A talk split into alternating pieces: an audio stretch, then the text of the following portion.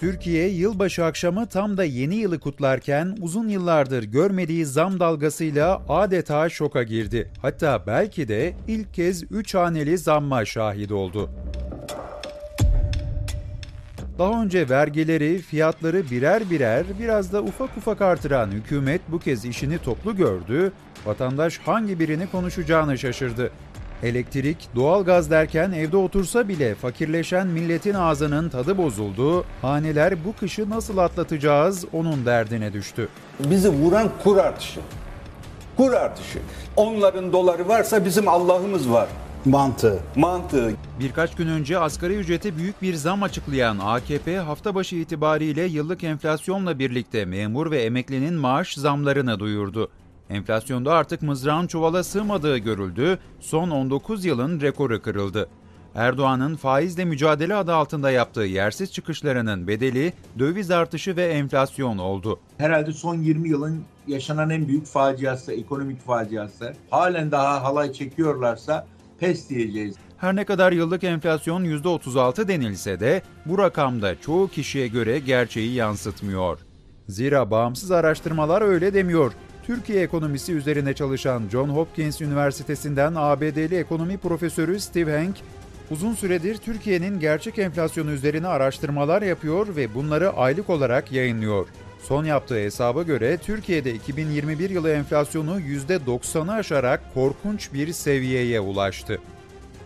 ABD'den bu gerçeği gören ekonomistler nerede? Bizim Ankara'nın göbeğindeki TÜİK nerede? Marketçiler bile hani reyonda çalışan marketçiler artık her gün etiket değiştirmekten bıktık diyorlar yani. Eleman arıyorlar etiket Aynen değiştirmek için. yani. Geçen yani dün 100 lira götürdüm iki tane şey aldım. Geçtiğimiz yılın memur ve emekli maaşlarına enflasyon farkı olarak yansımasın diye bu senenin ilk gününe ertelenen zam yağmuru bize 2022'nin hiç de kolay geçmeyeceğini gösteriyor. Zaten Profesör Henk de 2022 enflasyonunun %100'ün üzerinde olacağını hesaplıyor. Her ay, her hafta belki de gün aşırı yapılacak zamlar bizi bekliyor. Asgari ücretli, memur ya da emeklinin alacağı zam da birkaç ay içinde eriyip gidecek gibi görünüyor.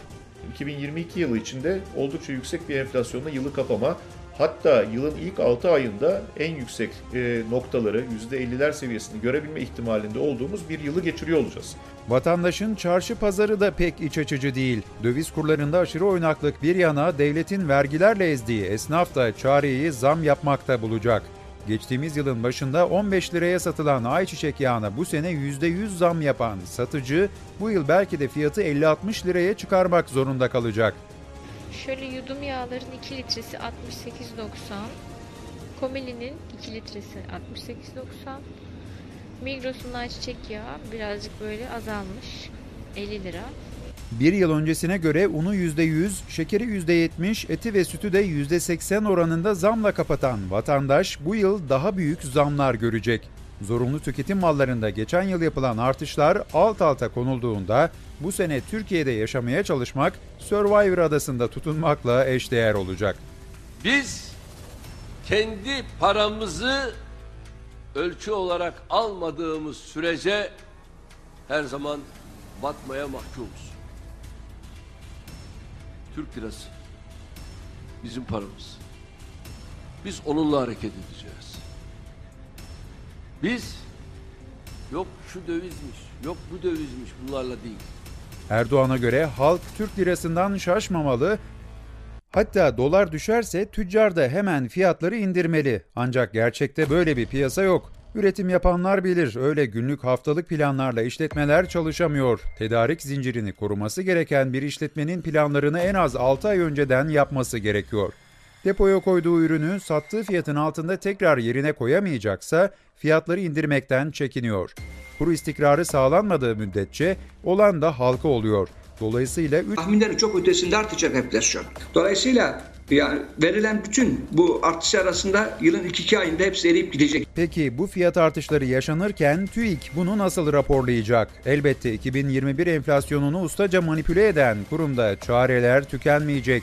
Geçtiğimiz yılın başında enflasyon sepetini güncelleyen TÜİK'ten bu yılda benzer hamleler beklemek mümkün. Bunun yanında yapılan zamları kendine göre de yontabilir. Söz gelimi birkaç gün önce İstanbul'daki köprü ücreti çift yönlü alınmaya başlanırken bir geçiş ücreti de doğal olarak 13 liradan 8.25'e düştü. TÜİK bunu pekala %40 indirim olarak hesaplayabilir.